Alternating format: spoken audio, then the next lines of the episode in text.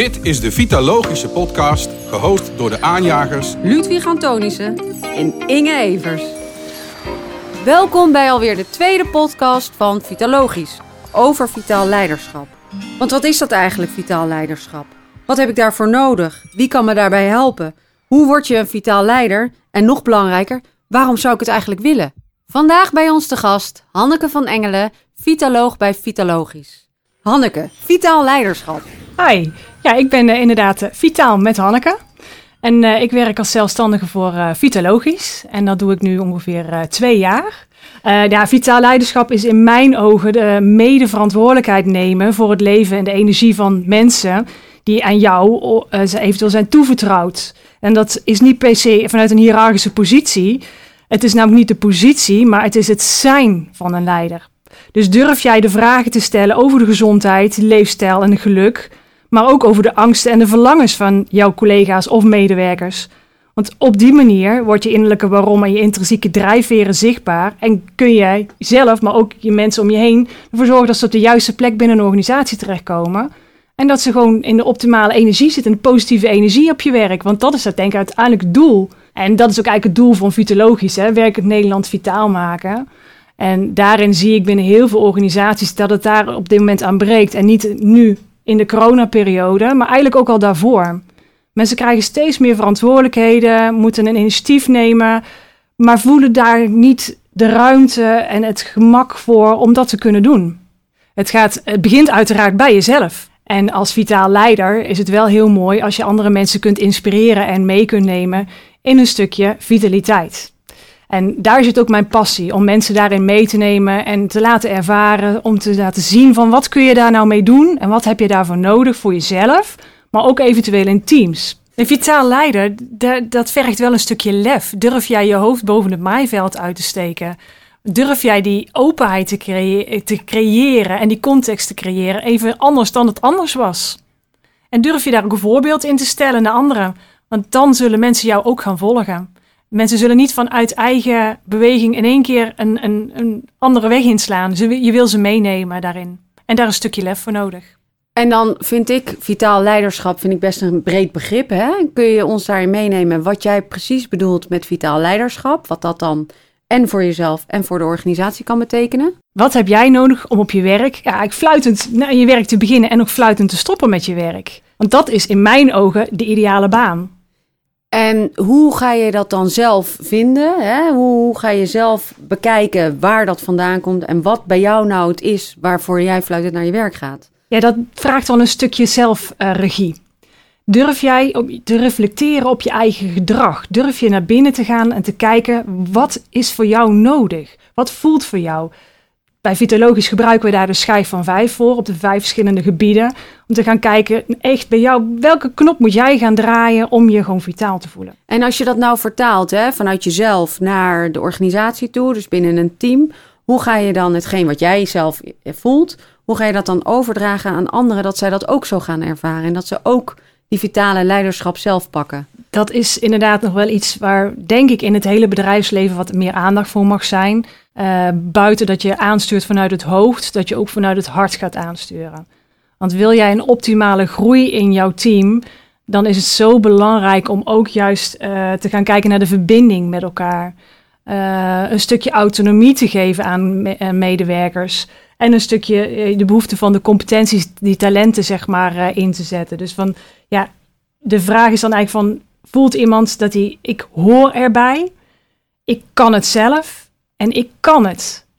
En op dat moment dat je die drie gebieden beetpakt als manager richting je medewerkers, dan krijg je die optimale groei, het werkgeluk van die medewerkers en een stukje vitaliteit, want dan gaat de energie weer stromen. Ja, dat is vooral ook veel meer samen de zaak oppakken. Ja. Een leidinggevende hoeft niet het perfecte voorbeeld te zijn maar kan wel uh, aanzetten tot verbetering. Hè? Of iets aanslingeren of iets openen. Maar moet het meteen een leider zijn? Hè? Want we hebben het nu heel erg over leiderschap. Maar moet het een leidinggevende zijn of mag het ook je collega zijn die jou... Het kan ook bijvoorbeeld een, iemand van de afdeling HR. Als dat jouw sparringspartner binnen de afdeling of binnen de organisatie is, dat kan dat ook. Want het is ook een kwaliteit natuurlijk die iemand uh, bezit of een natuurlijke leider is of niet. En dat is niet, niet goed of fout. Maar ik denk het wel noodzakelijk is binnen organisaties dat er natuurlijke leiders aanwezig zijn op dit gebied. Maar dat hoeft absoluut niet de leidinggevende van het team te zijn. Maar dat er wel voldoende ruimte is om iemand op te zoeken binnen je organisatie. En dat kan dus een collega zijn, maar dat kan ook iemand van de afdeling HR zijn, om dit soort gesprekken aan te kunnen gaan. En zou je ook kunnen zeggen, een vitaal leider kan ik ook van buiten halen? Hè? Als ik maar een kleine organisatie ben, eh, met MKB, met minder dan uh, vijf, zes medewerkers. Kan ik dan ook een vitaal leider van buiten af laten komen om te kijken hoe het in mijn team zit? Of moet het per definitie iemand zijn van binnen de organisatie? Omdat hij dagelijks op de werkvloer is. Ik denk dat het wel wenselijk is om binnen de organisatie te hebben. Want iemand die binnen de organisatie aanwezig is, die kent de organisatie van binnen en naar buiten. Dus als je het hebt ook over verbondenheid creëren binnen je team, uh, dan is dat wel handig als je weet wat voor organisatie hebben we te maken. Wat, wat wordt er verlangd van de medewerkers? En kun je samen ook bepaalde doelen gaan stellen met elkaar? Want dat is ook wel heel erg belangrijk om verbondenheid te creëren binnen het team. En dat wordt lastiger als je iemand van buitenaf aan gaat trekken. Uiteraard kan het wel. Maar is het dan ook zo, wil je een vitaal leider zijn of worden? Hoe, welke stappen moet je ondernemen als het niet vanuit jezelf komt? Wat moet je dan doen om inderdaad die vitale leider te worden? Je kunt het zeker worden, maar dat begint. Kijk eens eerst in de spiegel. Wie ben jij? Wat heb jij nodig? Wat kan jij bijdragen? Hoor jij bij de club? En wat kan, wat kan jij doen binnen je organisatie? Maar dat is best lastig, denk ik, voor mensen die het van nature niet in zich hebben om zich kwetsbaar op te stellen. Dus ik, ik, hè, ik bedenk nu vanuit een andere kant. Ik ben totaal niet uh, uh, met gevoelens bezig. Ik, ben een, ik wil graag doorzetten. Ik ga hè, voor, de, voor de cijfers, harde cijfers. Maar ik wil wel dat mijn team meedoet. Hoe krijg ik dan iemand zover dat hij ook gaat nadenken van... ja, maar wacht even. Ik moet zorgen dat mijn team meegaat. Hoe krijg ik die, die dan op een vitale manier mee... zonder alleen maar aan de centjes en aan de opbrengst te denken? Ja, het woordje moet, ja? moet eruit. Het is wil je met de groep mee. Wil je samen gaan bouwen aan een team? En dat is aan de leider of de manager, maar ook aan de deelnemers in het team.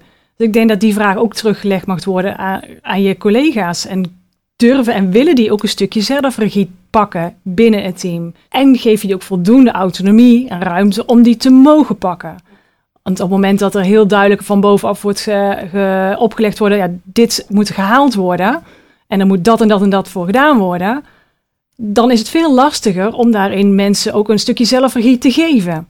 Kan ik dat dan ook doorvertalen naar het geven van vertrouwen aan mensen? Dat dat ook vitaliteit in zich heeft? Ja, ik denk de taak van een leidinggevende vooral geënt is op vertrouwen geven, kaders scheppen en iemand daar ook de ruimte geven om zichzelf te mogen zijn. En als je daar in een team gaat kijken, uh, is daar vaak een aanvulling op elkaar. Want iedereen heeft zijn eigen talenten en is ergens goed in.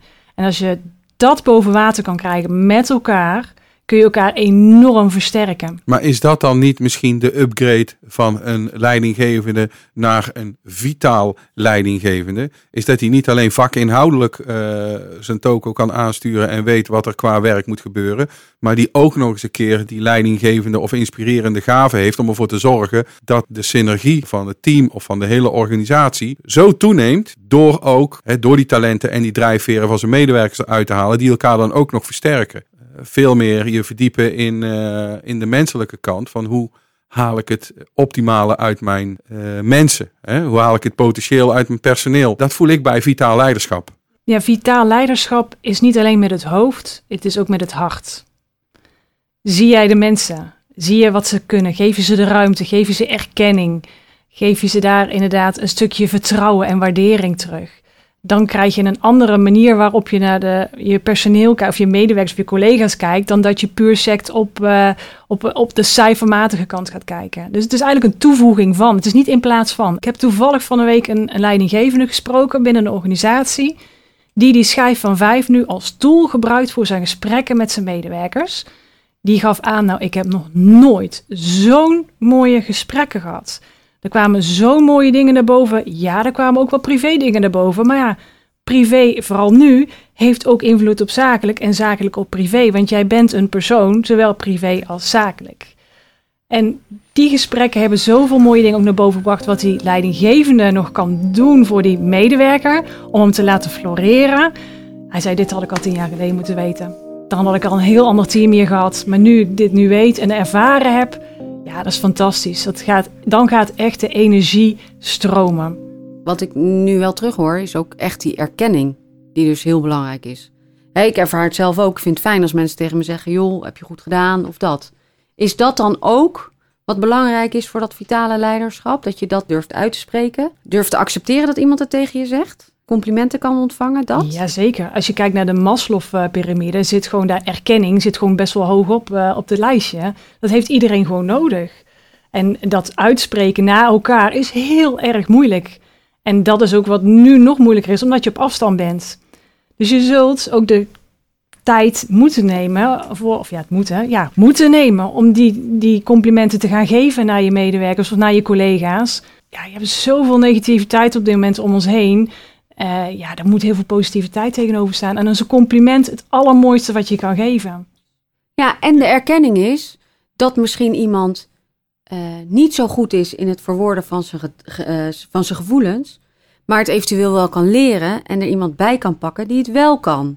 Dus door te erkennen wat jij zelf goed kan en wat een ander ook goed kan en misschien wel beter dan jij, kun je dus die context gaan creëren dat je het met elkaar gaat doen. En dan ga je dus denk ik ook die verbondenheid maken.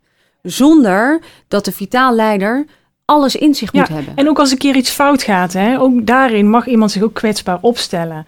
Want er kan niet altijd alles goed gaan. Van fouten kun je ook leren. Op het moment dat er nooit iets fout gaat, ja, dan gaat er denk ik juist iets goed fout. Ik denk dat een leidinggevende altijd wel een beetje het voorbeeld moet geven. En ook de richting aan moet geven welke kant je op gaat. En dat kun je wel met elkaar bespreken. Maar een leidinggevende is wel degene die uiteindelijk bepaalt welke kant je op gaat. En ik denk dat dat wel belangrijk is. Dat mensen zich daar ook senang bij moeten voelen, zeg maar. Dat zij met zo'n leidinggevende mee willen. En op het moment dat iemand dan hè, dat doet in overleg met de mensen. Het doel inderdaad van een organisatie is om uh, vitaal te blijven en te groeien. En daarin in de rol van de, een leidinggevende is om te zorgen dat het team ook die doelen gaat halen. En die, om die doelen te halen, uh, zul je samen daaraan moeten gaan werken. En ik denk dat daarin de vernieuwde kracht zit van een nieuwe uh, wat we net noemden, een nieuwe vitaal leiderschap, nieuwe vitaal leider. Daar komt meer bij kijken dan sturen op cijfers. Want je moet die targets halen of moet zoveel nieuwe klanten binnengehaald worden. Want als daar iedereen in zijn eigen kwaliteiten in kan zetten en kan doen waar hij gewoon goed in is en leuk in vindt, dan gaat het met veel meer gemak en efficiëntie dan dat men er heel veel aan moet duwen en trekken. Want ik denk dat dat een leidinggevende juist niet wil. Maar door middel van zijn eigen voorbeeldgedrag kan hij anderen meenemen om op die manier te gaan kijken om de doelstellingen te kunnen gaan halen. Je wil eigenlijk zorgen dat die leidinggevende dus dieper of verder gaat kijken dan dat ze nu doen. Ja. Zodat ze de mensen zien. Dus niet meer vanuit het hoofd, maar vanuit het hart. Dat je daar de connectie kan vinden. En dat daar dus winst zit. Daar, daar is heel veel energie te halen. En die energie gaat zich vertalen in productiviteit. En die productiviteit gaat zich vertalen in centen. Uh, maar het begint wel ergens. Ja. Je wil gewoon dat mensen werken met energie. En op het moment dat mensen vol in de energie zitten, dan, dan lopen ze veel harder. Dan komt er veel meer uit. En dan bereik je gewoon je resultaat veel eerder. Met veel minder moeite en veel minder tijd. Als ik dan kijk naar intrinsieke motivatie puur naar werk gerelateerd, dan, dan wil je eigenlijk dat je medewerkers willen werken voor de zaak. Dat ze zich verbonden voelen met de organisatie. Dat het vanuit binnenuit komt dat ze iets willen doen. Niet dat iemand die gaat naar zijn werk toe, die doet zijn ding en die gaat om vijf uur weer naar huis. Nee, je wil dat mensen gewoon met plezier naar het werk komen. Dat ze bij willen dragen aan de organisatie te laten groeien. Want het is niet alleen vitaliteit, maar ook werkgeluk. Het hangt heel erg samen met elkaar. Maar dat is het resultaat van het verbinding aangaan met elkaar. De mensen de autonomie geven, mensen in hun kracht zetten. Dat resulteert dus eigenlijk in vitaliteit en werkgeluk. Want het is niet aan de leidinggevende om continu iedereen aan zijn broek te zitten en te vertellen: jij moet dit doen, jij moet dat doen en je gaat zus doen en je gaat met die contact opnemen. Nee, je wil ook dat die medewerkers vanuit een eigen regie dingen op gaan pakken. En dat kun je alleen maar creëren door ook die context te creëren dat er veilig is, dat er vertrouwen is en dat er fouten dus gemaakt mogen worden en dat men gelijkwaardig is. Nou, vooral niet hoger, maar verbreden. Je gaat je, je, je positie in de groep zetten en vanuit daaruit het samengevoel creëren. En niet meer vanuit een hiërarchische positie. Natuurlijk, sturing op is uiteraard belangrijk. Je zult altijd de kaders aan moeten blijven geven. Anders wordt een, een, schip ook stuurloos. Hè? Die moet je ook je, duidelijke koers inzetten. Maar daarnaast ga je gewoon vanuit de groep de mensen de ruimte geven. Ja, en ik hoor heel veel verbinding, hè? verbinding met elkaar maken. Kun je dat iets specificeren wat nou precies de verbinding betekent tussen in een team? Hoe je die kan creëren? Hoe... Nou, verbinding creëren doe je vooral door er samen uh, over te hebben. Ja, het is een beetje een, een eigen dooddoener. maar um, op het moment dat iedereen, vooral kijk eens naar nu. Heel veel teams zitten allemaal thuis te werken. Iedereen zit thuis achter zijn laptopje. Die doet zijn ding. Er is een meeting, daar ga ik naartoe. Daarna klap ik mijn laptopje dicht en ik ga naar mijn taak weer door men heeft het niet meer met elkaar van waar zijn we nu voor aan het werk? Welk doel willen we halen? En wat gaan we daarvoor doen? Wie kan daar wat inbrengen? Wat we laatst over hoorden dan dat mensen elkaar gewoon niet spraken. Dat een leidinggevende de medewerkers gewoon niet spreekt. Ja, dat, dat, gaat dus niet. Dat kan niet. Dan weet je ook niet wat er speelt. Kun je mensen ook daar niet erkenning geven dat er dingen wel of niet goed gaan of er een gesprek aangaan. Ik denk als team dat je heel veel met elkaar uh, het gesprek aan moet gaan. Wat willen we bereiken? Waar doen we het voor? En in de vorige podcast Fit en Vitaal Thuiswerken kwam dat ook al erg naar boven. Dat er gewoon echt ruimte nodig is om met elkaar gewoon een keer ook even te bellen. En dan ga je maar wandelen buiten. Ieder op zijn eigen plek waar die woont. Maar wel daarin gewoon toch die connectie vinden. En dan heeft iedereen het druk. Ja, maar op het moment dat je dit soort momenten gaat pakken, dat mensen ook veel meer rust ervaren. En ook veel meer daarna de energie weer hebben om hun werk te kunnen doen. En jij vindt dat daar dus ook wel een taak ligt voor de leidinggevende? Juist, ik denk die heeft daar een voorbeeldrol in. Pak die voorbeeldrol. Mensen doen uh, niet wat jij zegt, die doen wat jij doet. Dus laat ook zien dat jij daar het goede voorbeeld in kan geven. En, en ga daar met die mensen ook gesprek. En motiveer ook dat ze met elkaar daar de ruimte voor nemen. Dat ze met elkaar af en toe gewoon even een keer gewoon bellen. Om te vragen, hey, hoe is het met jou? En wat heb jij dit weekend gedaan? Even contact met elkaar. Om elkaar aangehaakt te houden. Ik denk dat wat je nu zegt, dit is vitaal leiderschap. Dit, het zoeken van die contact, de verbinding houden. En ook mensen op hun eigen regie ook wel uh, wijzen. Je wil met elkaar groeien, een richting heen. En die context, die kun jij creëren als vitaal leider. En daar kun jij zelf het voorbeeld in geven. Vitaal leiderschap levert inderdaad meer op als vitale leiders. Maar ook voor personeel die inderdaad gewoon veel meer productiever werken. Dus het is een win-win situatie voor de organisatie, voor de vitale leiders en voor de medewerkers. Dus een win-win-win situatie eigenlijk. Ik merk wel, hè, wat ik nu tegenwoordig zie, hè, mensen die zijn moe, die vinden het allemaal lastig. En op het moment dat mensen gezond gaan eten, gaan sporten, hebben ze dus meer energie en kunnen ze dus ook meer vitaal leiderschap uitstralen. Klopt dat, mijn idee wat ik daarbij heb? Denk jij? Het is natuurlijk een onderdeel van vitaliteit. Ja. En ik denk waar we nu vandaag over hebben, is vooral het stukje vitaal leiderschap binnen een organisatie. En het hoeft helemaal niet zo als vitaal leider dat jij uh, de perfecte lijn hebt en dat jij uh, continu aan het bewegen bent en de, altijd de goede voeding tot je neemt. Ik denk je meer een goed voorbeeld uh, kan zijn in een stukje voorbeeldfunctie in de ruimte bieden. Ook jezelf te kunnen zijn en daarin die autonomie te geven en de verbinding aan te gaan. En de schijf van vijf is daar een hartstikke fijne tool voor, ook om met elkaar het gesprek over aan te gaan. Maar ik kan dus ook al vitaal leiderschap tonen, ook al eet ik dus niet gezond. Uiteraard. Je hoeft niet perfect te zijn. Jij mag ook je fouten maken. Of fout, het is geen fout, je bent jezelf. Je moet jezelf zijn. Dat is denk ik wel een hele belangrijke. Maar mag dan een vitaal leider, uh, een vitaal leider ook laten zien dat hij een fout heeft gemaakt? Hè? Want... Juist, graag.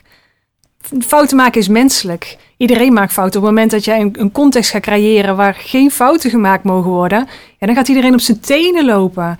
En je wil juist niet dat mensen op zijn tenen gaan lopen, juist nu niet. Je wil mensen dat zich prettig voelen, lekker een ding mogen doen. En ja, fouten maken hoort daarbij. En daar is niks mis mee. Eerste tip is zorg voor verbinding. Ga samen doelen stellen en ken, erken en bedank je mensen voor de dingen die ze in kunnen brengen. En faciliteer vooral je medewerkers. En het tweede is zorg voor een stukje autonomie. Dus zorg dat die kaders helder zijn en geef je medewerkers ook de ruimte om daar binnen die kaders hun ding te mogen doen. En als derde, die competentie. Zorg dat ze genoeg uitdagende taken hebben, maar wel heb vertrouwen dat ze het ook kunnen doen. Dat ze daar hun competenties in kwijt kunnen en mogen.